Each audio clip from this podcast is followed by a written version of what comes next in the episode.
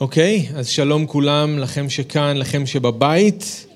אנחנו אה, מתקדמים עם הסדרה שלנו, אנחנו בראשונה לתימו, אל תימותאוס, אז אתם יכולים כבר לפנות אה, אל הראשונה אל תימותאוס, ואנחנו אה, בפרק ג', ראשונה לתימות, אל תימותאוס, פרק ג'. אז רק להזכיר לכם, בפרק ב' אנחנו ראינו את מה ששאול כתב לתימותאוס, אם אתם זוכרים, לגבי התנהגות של נשים וגברים, גם בקהילה כשכולם מתאספים ביחד, אבל גם בכלל. אה, הגברים, אם אתם זוכרים, צריכים לשאת ידיים טהורות, להתפלל בלי כעס, בלי מחלוקת. הנשים צריך, צריכות לשים לב שהן לא משתמשות בלבוש חיצוני כדי למשוך תשומת לב. בשבוע שעבר אנחנו המשכנו עם אותו נושא, דיברנו על המקום של גברים ונשים מבחינת סמכות ומבחינת הלימוד של דבר אלוהים בקהילה. אז הנשים יכולות, אפילו צריכות ללמוד את דבר אלוהים, אבל זה התפקיד של הגבר ללמד ולהנהיג, גם בקהילה, גם בבית. אז יש שוויון בין גברים ונשים מבחינת המהות והערך, אבל יש הבדל בתפקידים. אה, אף אחד לא יותר טוב מהשני או מהשנייה, אבל לכל אחד יש תפקיד שונה למלא. עכשיו, אם לא שמעתם את הלימוד של סטפן משבוע שעבר, אז אני מפציר בכם מאוד שתמצאו זמן לשמוע את הלימוד, להקשיב לדרשה. אה, סטפן הציג את כל הנושא הזה בצורה כל כך רגישה ומאוזנת ומכבדת, והעקרונות האלה כמובן נכונים בשבילנו בקהילה, אבל נכונים גם לחיים בכלל, במיוחד במשפחה, בבית. אז קחו את הזמן, תשמעו את הדרשה הזאת אם עוד לא שמעתם. היום אנחנו עוברים אז לפרק ג'. אה, אנחנו בעצם מגיעים לנקודה מאוד קריטית באיגרת, בגלל שכאן שאול מדבר על ההנהגה של הקהילה. ההנהגה. הוא מדבר על המנהיגים, פסוקים 1 עד 7, הוא מדבר על השמשים בפסוקים 8 עד 12. זאת ההנהגה של הקהילה. הדגש שלו, אנחנו נראה, זה לא על מה המנהיג צריך לעשות או מה השמש אמור לעשות, אלא על מי יכול להיות מנהיג ושמש ומי לא. מה הדרישות ממי שרוצה למלא כזה תפקיד. אז אנחנו יודעים שזה במיוחד היה חשוב לשאול, זה במיוחד חשוב גם לנו, כי תראו איך ששאול מפרט מאוד את הדברים. ואנחנו תכף נראה את זה, אבל אתם יכולים כבר, אם אתם מסתכלים על הטקסט, אתם רואים רשימה מאוד מפורטת של דברים. Okay? אוקיי? הוא גם חוזר על הדברים האלה ברשימה דומה שאנחנו מוצאים בטיטוס, אנחנו מוצאים את זה בטיטוס פרק א'. אז כשמשהו מפורט כל כך ושמשהו חוזר על עצמו בדבר אלוהים, זאת אומרת, אנחנו חייבים לשים לב לזה, זה חשוב. עכשיו, למה אני אומר שהקטע הזה הוא לא רק חשוב, אלא הוא קריטי?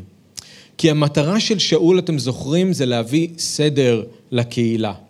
וכדי שיהיה סדר בקהילה, חייב להיות סדר בהנהגה. אי סדר בהנהגה בהכרח גורם לאי סדר בקהילה. ואתם יודעים, במידה רבה הקהילה גם משקפת את ההנהגה. אם יש אי סדר בקהילה, אי סדר בלימוד, אי סדר בהתנהגות של הנשים והגברים, אי סדר במשפחות, סביר להניח שיש איפשהו איזשהו אי סדר גם בהנהגה. וזה מה שהיה באפסוס. סביר להניח שכל מה שאנחנו נראה ששאול כותב כאן בקטע הזה עומד בניגוד למה שבאמת היה שם. זה היה ההפך ממה שהיה צריך להיות, ההפך ממה ששאול מתאר. אתם זוכרים למשל את ה... מורים, אה, אלה שרצו להיות מורים בפרק א', הם רצו להיות מורי תורה, הם רצו להיות מנהיגים, אבל בעצם הם הביאו לפילוג, לוויכוחים בתוך הקהילה. עכשיו, יכול להיות מאוד שבעקבות מה ששאול כותב כאן, תימותאוס גם צריך להוציא כמה אנשים מההנהגה, שלא היו צריכים להיות שם ולשים אחרים במקומם. תראו, בסופו של דבר, המנהיגים הם אלה שאוחזים בהגה של הספינה. הם אלה שיכולים להביא אותה בשלום אל היעד שלה, או לגרום לה לסטות מהנתיב וללכת לאיבוד, כמו מה שקרה כאן באפסוס, או אפילו לגרום לה להעלות אותה על סרטון ולגרום לה אה, להגיע לסוף שלה. המנהיגים יותר מכל אחד אחר הם אלה שיכולים לבנות קהילה או להרוס קהילה. זה היה נכון אז, וזה עדיין נכון גם היום. עכשיו, שאול גם יודע שאחרי שטימותאוס יעזוב, ואתם זוכרים שטימותאוס רק שמה באופן זמני, המנהיגים הם אלה שיצטרכו בסוף ליישם את כל מה ששאול כותב כאן, כל מה שהוא מלמד. אז זה קריטי שהאנשים הנכונים ימלאו את התפקיד הזה ולא סתם כל אחד. אז כדי שיהיה סדר בקהילה, צריך שיהיה סדר בהנהגה. על זה אנחנו רוצים להתחיל להסתכל ביחד היום ובשבועות הקרובים, אבל אנחנו רק נתחיל היום. אנחנו לא רוצים למהר ולרוץ כדי שלא נפספס שום דבר. אז אני רוצה לקרוא את הקטע, כדי שיהיה לנו איזושהי תמונה שלמה של מה ששאול אומר, אבל אנחנו לא ממהרים, אנחנו ניקח את הזמן, זה חשוב לדבר על כל דבר ששאול מזכיר כאן, אז אנחנו רק מתחילים היום. אוקיי? אז תעקבו איתי ביחד, הראשונה לתימותאוס, פרק ג', פסוק אחד. מהימן הדבר, איש השואף להיות מנהיג בקהילה, הרי הוא משתוקק לעבודה נעלה. לכן המנהיג צריך להיות איש שאין בו דופי, בעל אישה אחת, איש מפוכח, מאופק, מתנהג בדרך ארץ, מכניס אורחים, יודע ללמד, לא מתמכר ליין, לא בעל אגרוף, אלא אדם הנוהג בסובלנות, לא נמהר לריב ולא רודף כסף. אדם שמנהיג היטב את ביתו שלו ובניו נשמעים לו במלוא דרך ארץ. הרי אם לא ידע איש לנהל את ביתו שלו, כיצד יוכל לדאוג לקהילת אלוהים? ואל יהא צעיר באמונה, פן יתייהר ויפול בדין השטן. הוא צריך גם לשם טוב בפי אלה שבחוץ, כדי שלא יהיה לחרפה ולא ייפול בפח השטן. כן, גם השמשים צריכים להיות אנשים רציניים, לא הפך פחן, הפך, הפך, הפך, שמישהו יגיד את זה בשביל, הפך פחנים. כן, בדיוק, בדיבורם. לא מתמכרים ליין, לא רודפי בצע, אלא אנשים המחזיקים את סוד האמונה במצפון טהור. הללו ייבחנו תחילה, אחרי שימצא שאין בהם דופי ישרתו כשמשים. כמו כן הנשים עליהן להיות רציניות, נמנעות מלשון הרע, מפוקחות, נאמנות בכל דבר. השמש יהיה בעל אישה אחת, אדם שמנהיג היטב את בניו ואת ביתו. המיטיבים לשרת משיגים לעצמם מעמד טוב וביטחון רב באמונה במשיח ישוע. אז בואו נתפלל. אבא, אנחנו מודים לך על הדבר שלך. אנחנו שוב באים אליך ושוב באים אל הדבר שלך כדי לא להתווכח איתך ולא להתווכח עם הדבר שלך, אלא כדי להיכנע לך, להיכנע לרצון שלך, להיכנע לאמת שלך. אנחנו רוצים לב שהוא פתוח לשמוע, לב שהוא כנוע לך, ואנחנו מבקשים שוב, תעשה את מה שאתה צריך לעשות בתוכנו, בתוך כל אחד מאיתנו ובתוך הקהילה, כדי שאנחנו ניישר קו איתך. אנחנו מתפללים שתיתן לנו אוזניים לשמוע. אנחנו מבקשים ממך חסד מיוחד כשאנחנו נוגעים בנושא כל כך חשוב, המנהיגות של הקהילה.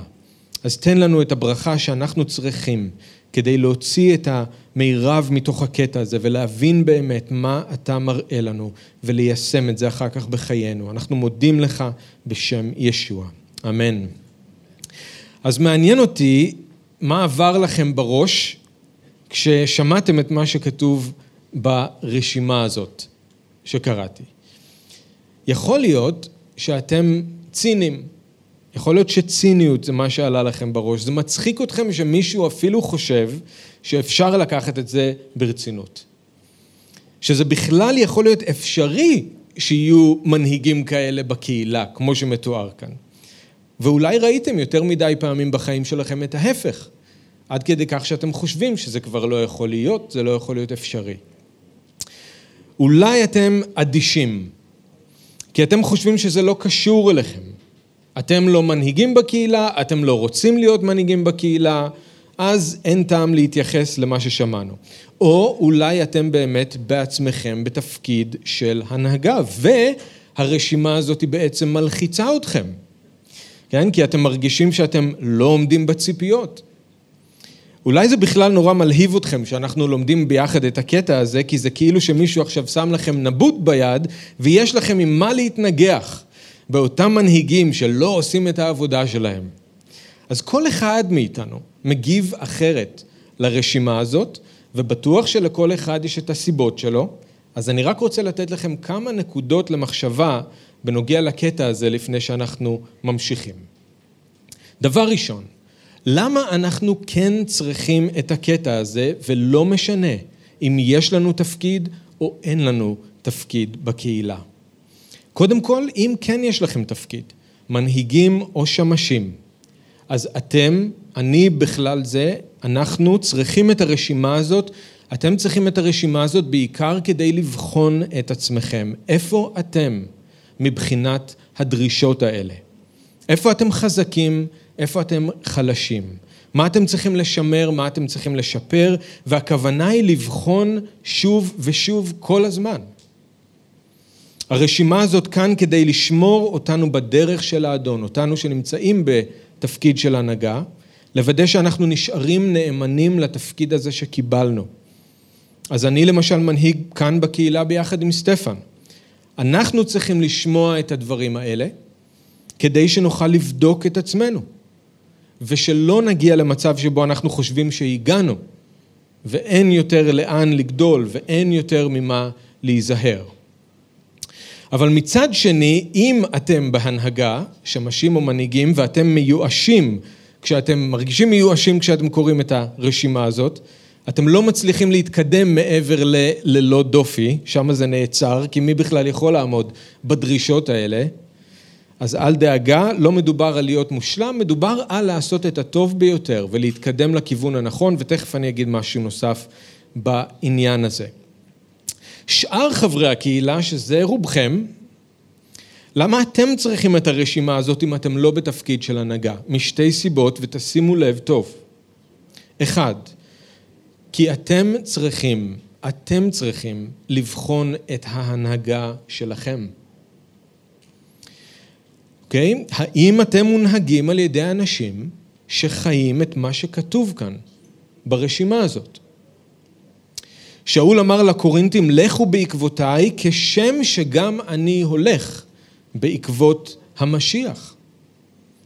כן, אז זאת אומרת שהמאמינים אמורים ללמוד מהמנהיגים שלהם וללכת בעקבותם רק אם הם בעצמם, המנהיגים, הולכים בעקבות המשיח. מנהיג שלא הולך בעקבות המשיח הוא לא מנהיג שצריך ללכת בעקבותיו. אז כן, הרשימה הזאת היא כאן בשביל המנהיגים ובשביל השמשים, אבל היא כאן גם בשביל חברי הקהילה. וכל הנהגה צריכה להיות מסוגלת להגיד, הנה הרשימה, תבחנו אותנו. הנה הרשימה, תבדקו אם אנחנו עומדים בתנאים. עכשיו, אם אתם מגיעים למסקנה שההנהגה שלכם רחוקה מאוד ממה שמתואר כאן, אז אין סיבה שאתם תישארו בקהילה ותקבלו על עצמכם סמכות של מנהיגים כאלה. ודרך אגב, המבחן הוא הרבה יותר מבחן של אופי מאשר של כישרון. אנחנו נדבר על זה, אבל האחריות של כל מאמין, של כל מאמין לוודא אם הם נמצאים תחת הנהגה שהיא לפי הרצון של אלוהים. אבל, וכאן יש אבל חשוב מאוד, כי חלק ירצו לנצל את מה שכרגע אמרתי שוב כדי לתפוס נבוט ביד ולהיכנס בהנהגה. אז, כתוב, זה נכון, שהמנהיג צריך להיות ללא דופי. ואז יש רשימה של דרישות מאוד מחמירות, נכון, אבל לא מדובר על אנשים מושלמים. אין כאלה. אין כאלה. מי שמחפש אנשים מושלמים שלא יעשו טעויות אף פעם לא ימצא כאלה. גם המנהיגים וגם השמשים הם נמצאים כמו כולכם בתהליך של למידה ושל השתנות לדמותו של ישוע. אם שאול השליח יכל להגיד, לא שכבר השגתי, או שכבר הגעתי לשלמות, אבל רץ אני בתקווה להשיג, אז בטח שכל מנהיג וכל שמש או שמשית יכולים להגיד את אותו הדבר. אוקיי? Okay? אז מצד אחד יש כאן רשימה שמאוד מחמירה עם המנהיגים ועם השמשים, זה נכון, אבל, אבל מצד שני צריך לזכור כל מנהיג וכל שמש הם בסך הכל תלמידים של המשיח, כמו כולם, רק עם אחריות מאוד מאוד גדולה על הכתפיים שלהם. אבל הם לא אנשים מושלמים שלא עושים אף פעם טעויות. אני בעצמי נפגעתי ממנהיגים בעבר, עשו דברים שאני חושב שהם לא היו צריכים לעשות. יכול להיות שגם אתם חוויתם משהו כזה. וגם אנחנו כאן כמנהיגים בכרם אל עשינו ועוד נעשה טעויות. אני מצטער אם זה מפוצץ לכם את הבועה, אבל זאת האמת. עוד לא השגנו, עוד לא הגענו לשלמות, אבל אנחנו רצים בתקווה להשיג. ואנחנו כן יכולים להבטיח לכם שאנחנו עושים את כל מה שאנחנו יכולים כדי לחיות את מה שכתוב כאן ברשימה ולהיות כאלה אנשים. אנחנו לא תמיד נצליח, אבל אנחנו מנסים. אני אומר את זה פשוט כי עוד פעם, יש אנשים שרק מחכים שההנהגה תעשה את הטעות הכי קטנה, ואז הם מיד קמים, עוזבים בהפגנתיות לקהילה אחרת, כאילו ששם יהיה יותר טוב. כן, זה קורה כל הזמן. אז יש מקרים שבאמת ההנהגה היא רחוקה מאוד, יותר מדי, ממה שמתואר כאן, במה ששאול כותב, ואז צריך לקום וללכת, אני מסכים. אבל ברוב המקרים, זה פשוט מאוד מנהיגים שהכוונה שלהם היא טובה, הם עושים כמיטב יכולתם, אבל הם לא תמיד מצליחים.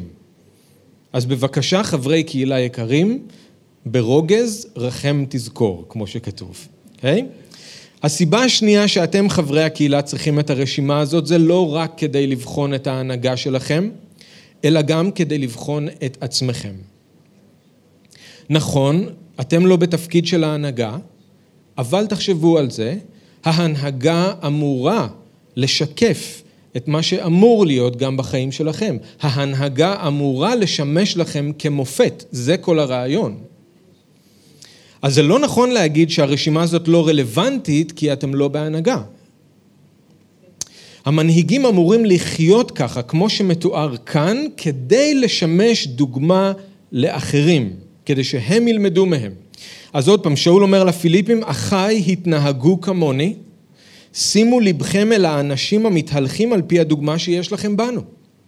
ובאל העברים, אה, י"ג 7 כתוב, זכרו את מנהיגיכם, אשר דיברו אליכם את דבר אלוהים, הביטו אל אחרית דרכם ולכו בעקבות אמונתם. אז זה לא שמנהיג מוגבל, למשל, כן, אני לוקח את זה מהרשימה כאן, זה לא שמנהיג מוגבל לאישה אחת, אבל חברי הקהילה יכולים להתחתן עם שלוש, אוקיי? Okay? זה לא שאסור למנהיג להתמכר ליין, אבל חבר קהילה יכול להשתכר כאוות נפשו. או שהשמשית צריכה להימנע מלשון הרע, אבל שאר הנשים בקהילה יכולות לדבר איך שבא להן, על מי שבא להן, מתי שבא להן. לא. המנהיגים בקהילה אמורים לנסות ולגלם את האידיאל שכל תלמיד של ישוע אמור לרצות להגיע אליו. זה הרעיון. אין כאן סטנד... סטנדרט כפול. אין.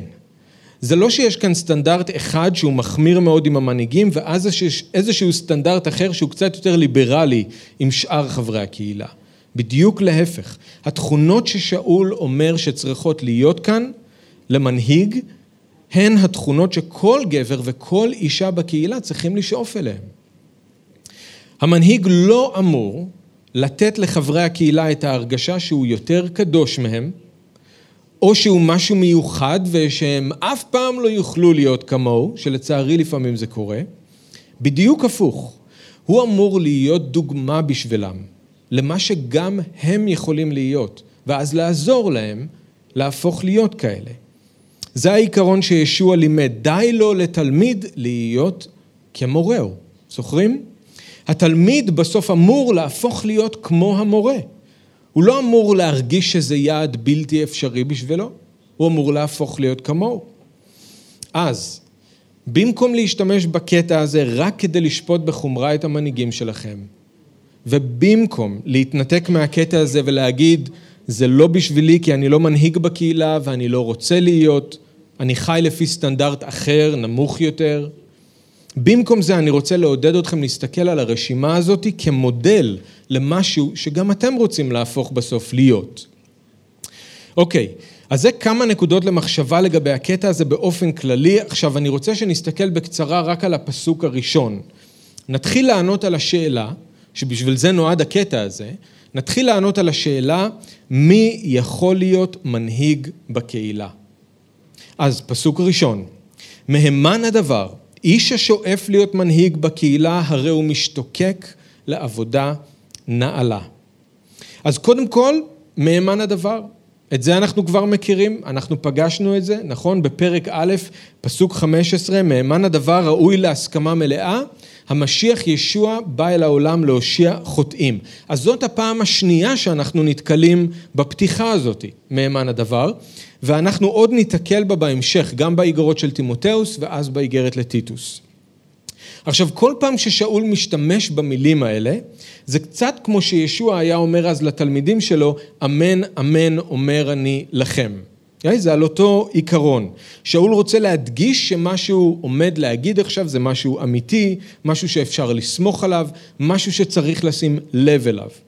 אז בפעם הקודמת זה היה קשור למשימה של ישוע, הוא בא אל העולם כדי להושיע חוטאים, כאן זה קשור לתפקיד של המנהיג בקהילה. מי ששואף להיות מנהיג בקהילה הוא משתוקק לעבודה נעלה. זאת האמת, זה חשוב, צריך לשים לב לזה. אבל תשימו לב שמיד אחרי זה שאול ממשיך עם לכן. לכן חייב המנהיג להיות איש שאין בו דופי. אז זה נכון שלהיות מנהיג זה דבר טוב, זאת עבודה יקרה וחשובה בעיני אלוהים, הוא מסכים איתם, אבל זאת בדיוק הסיבה שהוא אומר שזה לא יכול להיות סתם כל אחד, אוקיי? Okay? כנראה שמה שקרה באפסוס זה שהיו אנשים שהיו מנפנפים בסיסמה הזאת, היא הייתה מוכרת לכולם. איש השואף להיות מנהיג בקהילה, משתוקק לעבודה נעלה, זה משהו שכולם הכירו, כולם הסכימו. אבל הם כנראה לא המשיכו את מה שמתבקש. לעבודה נעלה דרוש אדם נעלה, לא רק כזה עם שאיפות. כגודל האחריות, גודל האישיות. וכאן חשוב מה שאמרתי גם מקודם, אנחנו צריכים לשים לב, שאול שם כמעט את כל המשקל ברשימה הזאת, לא על יכולות ועל כישרונות, אלא על אופי ועל התנהגות. עכשיו, כמעט לכל תפקיד שאנחנו מכירים היום, מחפשים אנשים עם יכולות, מחפשים אנשים עם כישרונות, אנשים שיכולים להביא תוצאות, נכון? אנשי עסקים, עובדים במפעל, רופאים, הייטק. פוליטיקאים, הכי חשוב זה שהם יביאו תוצאות. זאת השורה התחתונה.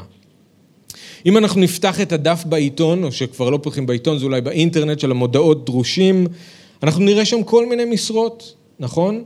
עבודות משרדיות, עבודות כפיים, כל מיני עבודות במפעלים. איזה סוג של אנשים מחפשים בשביל העבודות האלה? אנשים שיודעים לתפעל מכונות, יודעים לעבוד עם אקסל, יודעים לערבב מלט, לפעמים בחלק מהעבודות, רק בחלק מהעבודות, בסוף כתוב שצריך יחסי אנוש טובים. אבל זה אולי המקסימום. אתם יכולים לדמיין לעצמכם אם שאול היה מפרסם מודעת דרושים למשרה של רועה קהילה, של מנהיג בקהילה?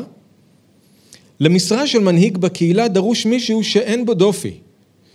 בעל אישה אחת, מפוקח, מאופק, מתנהג בדרך ארץ, לא נמהר לריב, לא רודף כסף, כמה אנשים אתם חושבים שהיו מתקשרים?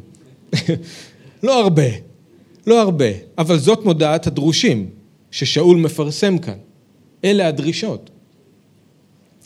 זה בדיוק מה שאלוהים מחפש, וזה מדהים כי שאול אומר בעצם, זה מה שמשתמע, הוא אומר, יכול להיות שלמישהו יש את היכולת.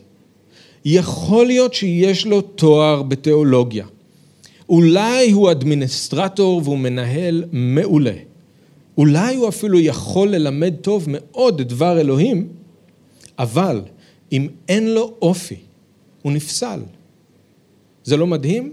יכול להיות מישהו שיש לו את כל הכישרונות והיכולות, אבל אם אין לו אופי, הוא לא יכול להיות מנהיג. הוא לא יכול להיות מנהיג. יכולות וכישרונות זה חשוב, אי אפשר להיות מנהיג בלי זה, אבל אופי זה חשוב לאלוהים הרבה יותר, ולא רק בשביל מנהיגים, בשביל כולנו. פרי הרוח יותר חשוב ממתנות הרוח, תמיד. למה? המתנות של הרוח זה כוח, זה דבר שיש בו עוצמה. אלוהים לא ישים כוח בידיים של מישהו שלא יודע להשתמש בכוח הזה כמו שצריך. זה יהיה מסוכן לו וזה יהיה מסוכן לאחרים. כמו שאנחנו לא ניתן לילד קטן לנהוג ברכב, אותו הדבר. אסור לתת למישהו שלא בשל לזה להיות מנהיג בקהילה. תפקיד של הנהגה בקהילה זה משהו עוצמתי מאוד, יש הרבה מאוד השפעה. אז לעבודה נעלה כזאת דרוש אדם נעלה, וכגודל האחריות גודל האישיות, ואנחנו נראה את זה בשבועות הקרובים כשנעבור על הרשימה. עוד משהו שאנחנו רואים בפסוק הראשון זה ששאול פונה אך ורק לגברים כשהוא מדבר על הנהגת הקהילה. איש, איש גבר, איש השואף להיות מנהיג בקהילה. התפקיד של השמשות זה באמת פתוח גם לנשים. אבל התפקיד של ההנהגה הוא אך ורק לגברים. הוא אומר איש כאן בהתחלה, וכל הרשימה אחר כך מתייחסת לגברים. וככה זה בכל מקום אחר שיש התייחסות להנהגה בקהילה בברית החדשה. כל הדברים שהוא מזכיר כאן ברשימה הם לשון זכר. אני לא מרחיב על זה עוד פעם עכשיו, סטפן נגע בדיוק בעניין הזה שבוע שעבר, ועוד פעם, אם לא שמעתם, תקשיבו לדרשה, התפקיד, הסמכות של גברים ונשים בקהילה, מאוד חשוב. אוקיי, אז מי יכול להיות מנהיג? גבר, איש, יש לו את האופי וההתנהגות שהולמים את התפקיד, זה רק באופן כללי, ניכנס לזה עוד בשבועות הקרובים, אבל יש לנו עוד מרכיב מאוד מעניין שאנחנו בדרך כלל לא חושבים עליו כשזה נוגע לתפקיד של מנהיג בקהילה, זה גם צריך להיות מישהו שבוער בו, מישהו שרוצה את זה. שימו לב לשתי המילים שיש לנו בפסוק הראשון, שואף ומשתוקק. שואף ומשתוקק. איש השואף להיות מנהיג בקהילה, הרי הוא משתוקק לעבודה נעלה. שואף זה אומר שהוא מחפש את זה, הוא מנסה להשיג את זה, הוא עושה מה שהוא יכול כדי להגיע לשם. ומשתוקק זה אומר שזה בוער בו. הוא לא יכול שלא להנהיג. הוא רואה את חברי הקהילה והוא לא יכול שלא להיות שם איתם, זה בוער בו, ללמד אותם, לעזור להם. הוא לא יכול לדמיין את עצמו עושה משהו אחר, זאת התשוקה שאלוהים שם בו. וזה כל כך חשוב לא לפספס את זה, כי תשימו לב, שאול אומר שזה כן דבר טוב כשמישהו שואף להיות מנהיג, מישהו משתוקק לתפקיד הזה. אז צריך מתנות וכישורים, יותר חשוב מזה זה אופי, אבל לבד הדברים האלה לא מספיקים. אותו איש לא יחזיק מעמד בתפקיד הזה בלי תשוקה. תקשיבו למה שאול אומר לקורינטים, הוא אומר, מי יחלש ואני לא אחלש עמו? מי ייכשל וליבי אינו בוער? זה מה ששאול אמר. מי שרוצה להיות מנהיג בקהילה צריך לב שבוער. צריך שתהיה בו תשוקה שלא מרפה ממנו.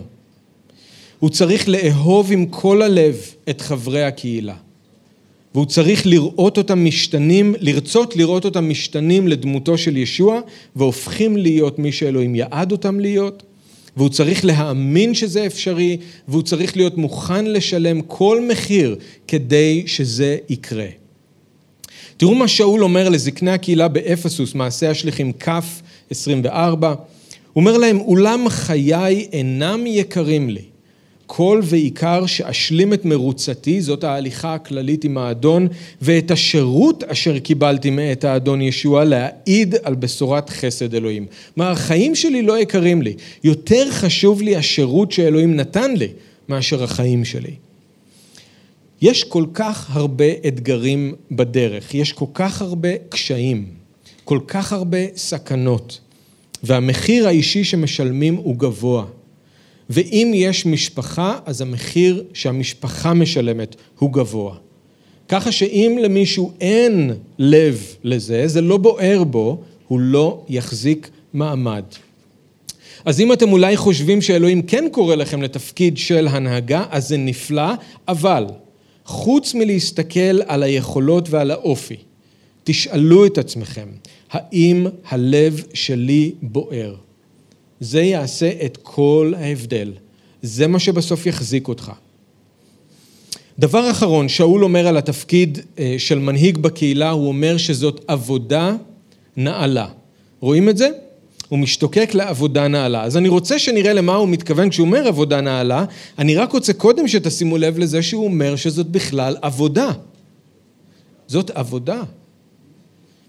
להיות מנהיג זאת עבודה. מי ששואף להיות מנהיג בקהילה לא משתוקק לתואר, הוא לא משתוקק לאיזה מעמד מיוחד או לכל מיני פריבילגיות.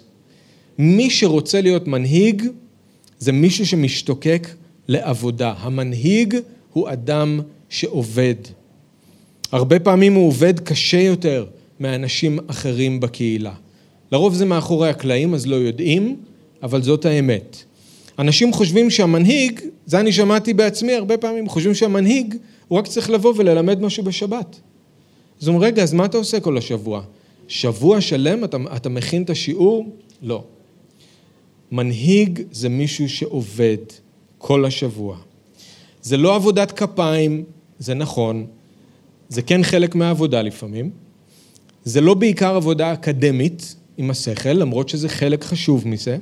העבודה העיקרית היא עבודה של הלב, זאת העבודה של המנהיג.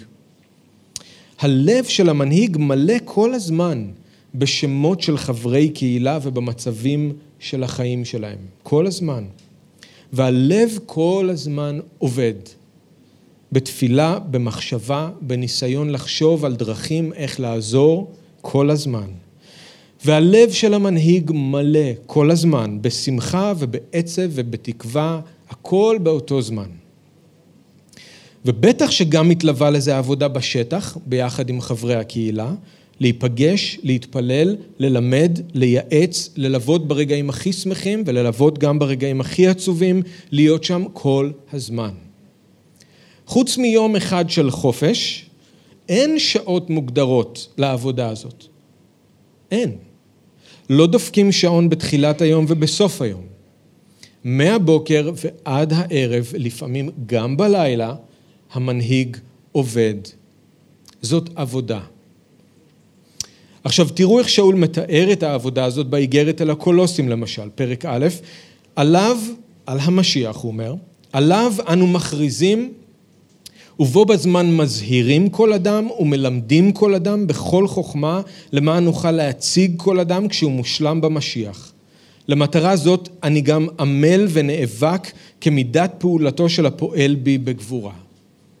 זה איזשהו סיכום של העבודה, פן אחד לפחות, מכריזים ומזהירים ומלמדים כל אדם, כדי שבסוף אפשר להציג כל אדם כשהוא בוגר במשיח. שאול אומר שלמטרה הזאת הוא עושה מה? הוא עמל והוא נאבק. עמל והוא נאבק כל הזמן, זאת העבודה של המנהיג. כל הזמן להשקיע בכל אחד ובכל אחת בקהילה, לעשות הכל כדי שכל אחד ואחת יגיעו לבגרות במשיח. תודה לאל שזה לא בכוח שלו, לא בכוח שלנו, זה כמידת פעולתו של הפועל בי בגבורה. זאת הדרך היחידה שזה אפשרי. לקורינתים, שאול אומר, לא שאדונים אנו על אמונתכם, אלא פועלים אנו איתכם למען שמחתכם. אנחנו כמנהיגים לא יושבים רגל על רגל כאדונים על האמונה שלכם, אנחנו איתכם. אנחנו עובדים ביחד איתכם כל הזמן, כדי שאתם תגיעו למקום שבו אתם שמחים באדון. לתסלוניקים שאול אומר, נהגנו בעדינות כשהיינו איתכם כאישה המטפלת בילדיה, וגם הוא אומר, כאב אל בניו דיברנו דברי מוסר ועידוד אל כל אחד ואחד מכם. כמו אימא וכמו אבא שנותנים מעצמם כל הזמן לילדים שלהם. העבודה העיקרית של המנהיג זה עבודה של הלב, זה עבודה של נתינה. נתינה כל הזמן. אז אם מישהו שואף ומשתוקק להיות מנהיג, הוא צריך לקחת בחשבון שזאת עבודה. עבודה קשה. בגלל זה אמרתי שכל כך חשוב שתהיה תשוקה שבוערת בלב, בגלל שאחרת אי אפשר להחזיק מעמד בעבודה הזאת. אוקיי, עבודה נעלה. כששאול אומר שזאת עבודה נעלה, הוא לא מתכוון שמנהיגים עושים משהו חשוב יותר מאחרים, או טוב יותר מאחרים, או שהם מעל אחרים. אבל העבודה הזאת של ההנהגה בקהילה היא יקרה לאדון באופן מיוחד. למה? כי המנהיגים הם אלה שישוע מפקיד בידיים שלהם את הצאן שלו, את אלה ששייכים לו, את אלה שהוא קנה בדם שלו. אתם זוכרים את הפגישה בין ישוע לקיפה, אחרי שישוע קם לתחייה מן המתים? זוכרים מה שהוא אמר לקיפה לעשות? שלוש פעמים, לראות ולהאכיל את הצאן שלו, לדאוג לטלאים שלו. אתה אוהב אותי, זאת המשימה שלך. וזאת העבודה של המנהיג, להמשיך את מה שישוע עשה כשהוא היה כאן בעולם עם התלמידים שלו. להוביל, להאכיל, להגן, לדאוג לצאן, לפי הדוגמה של הרועה הטוב, לפי הדוגמה של ישוע. עכשיו, אותו קיפה, כשהוא היה כבר זקן, אחרי שנים של הנהגה, הוא כתב למנהיגים במקום אחר כדי להסביר להם על התפקיד שלהם, ותראו מה הוא אמר להם. זה מהאיגרת הראשונה שלו, פרק א', או פרק ה'. הוא אומר, מן הזקנים אשר בקרבכם, אבקש, אני הזקן עמיתם, ועת סבלו המשיח ושותף לכבוד העתיד להיגלות, ראו את עדר אלוהים הנמצא עמכם. השגיחו עליו לא מתוך כפייה כי אם ברצון, כרצוי לאלוהים. לא בחמדת בצע כי אם בנפש חפצה. לא כרודנים על מה שהופקד בידכם, אלא בהיותכם מופת לצאן. ובהופעת שר הרועים תקבלו עטרת כבוד אשר לא תיבול. אז זה העדר של אלוהים שהופקד בידיים של המנהיגים, כדי שהם יראו אותו, כדי שהם ישגיחו עליו. הקהילה לא שייכת לאף מנהיג. לא שייכת לאף מנהיג, רק לאדון. נכון שהם הרועים, המנהיגים הם הרועים, אבל יש להם את שר הרועים. הם תחתיו, הוא אחראי עליהם. הם נותנים לו דין וחשבון. הם משגיחים על הצאן שלו. הם עושים את זה בשבילו. אז הוא מפקיד בידיים שלהם את הדבר הכי יקר לו. אז בטח שזאת עבודה נעלה. אותו הדבר אנחנו שומעים משאול כשהוא נפרד מהזקנים באפסוס, עוד פעם במעשה השליחים שם, השגיחו על עצמכם ועל כל העדר אשר רוח הקודש שמה אתכם למנהיגים בתוכו, לראות את קהילת אלוהים, אשר קנה בדמו שלו. אז אני, אני רק, אני לא נכנס לכאן עכשיו, אתם יכולים לחזור לפרק כ' במעשה השליחים, אני רק אזכיר, יש ארבע, ארבעה כינויים למנהיג בברית החדשה, לא להתבלבל, זה לא ארבע תפקידים שונים. מנהיג, רועה, משגיח ו... אה, אה, מה, מנהיג, רועה, משגיח ומנהיג. אה, לא. אני שכחתי. מנהיג, רועה, משגיח ו... מורה, לא. מנהיג, מורה, טוב, אני אבדוק. כתבתי את זה כאן, אבל אני... אה, הנה, כן, זקן. כי אני לא, אז שכחתי. אבל זה זקן, זה הכינוי. יום אחד אני אזכור. יש לי, טוב, לא משנה. זקן, משגיח, מנהיג ורועה. ארבע כינויים בדיוק לאותו התפקיד, אוקיי? זה רק מתייחס להיבטים שונים של אותו התפקיד, זה לא תפקידים שונים בתוך הקהילה, אין מישהו שהוא רואה ולידו יש זקנים ואז יש אחרים שהם מנהיגים, לא. זה אותו, אותה הקבוצה, זה אותו התפקיד. אוקיי, אני רוצה אבל שתראו מה שקראתי, ששאול אומר לזקני אפסוס שמה, הוא אומר להם שהקהילה היא קהילת אלוהים, שהוא קנה בדמו שלו. הקהילה הופקדה בידיים שלהם, אבל היא לא שייכת להם. היא של אלוהים, וכל אחד וכל אחת בקהילה שייכים לאדון, הוא קנה כל אחד בקהילה בדם שלו.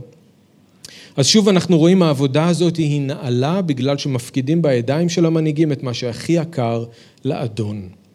עוד, עוד סיבה שזאת עבוד, עבודה נעלה זה כי כתוב כאן שרוח הקודש היא זאת ששמה אתכם למנהיגים בתוכו.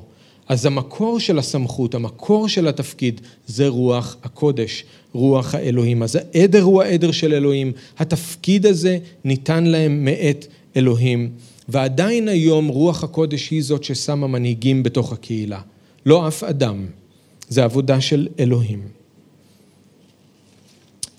אוקיי, אני חושב שנעצור כאן אה, ואנחנו נמשיך פעם הבאה. זה רק כמה הערות כלליות לגבי הקטע אה, וקצת כיוון לאיך שאנחנו צריכים להקשיב לקטע, זה לא משנה אם אתם בתפקיד של הנהגה, לא בתפקיד של הנהגה. אז תחזרו בעצמכם, תקראו את מה שכתוב כאן, את הרשימה, אנחנו נתעמק בדברים האלה החל משבוע הבא, אבל כדי שיהיה סדר בקהילה, חייב להיות סדר בהנהגה. ואני מקווה שעכשיו אנחנו כבר מוכנים לצלול לתוך פרק ג' החל מהפסוק השני, ואת זה אנחנו נעשה בשבוע הבא, אם ירצה האדון. אז בואו נתפלל. אבא יקר, אנחנו רוצים להודות לך על הדבר שלך, שתמיד מדבר אלינו כל כך בבירור ולא משאיר שום מקום לספק. אנחנו מודים לך שאתה מיישר את הדרך לפנינו, אנחנו מודים לך שאתה לא משאיר אותנו בחושך ואתה נותן לנו את האור שאנחנו צריכים. ואנחנו מתפללים שאתה במיוחד תפעל בלב שלנו כדי שאנחנו נגדל בהבנה שלנו, גם לגבי ההנהגה של הקהילה והיחס שבין המנהיגים לבין הצאן, וגם כדי שכל אחד מאיתנו נשאף לאותו ה... אה, אותו האידיאל, להיות האנשים האלה שאתה קורא לנו להיות. בין אם אנחנו מנהיגים או שמשים ובין אם אנחנו חברי קהילה, אנחנו מתפללים שתברך אותנו, אנחנו מתפללים שתעזור לנו, אנחנו רוצים לעשות את רצונך. בשם ישוע, אמן.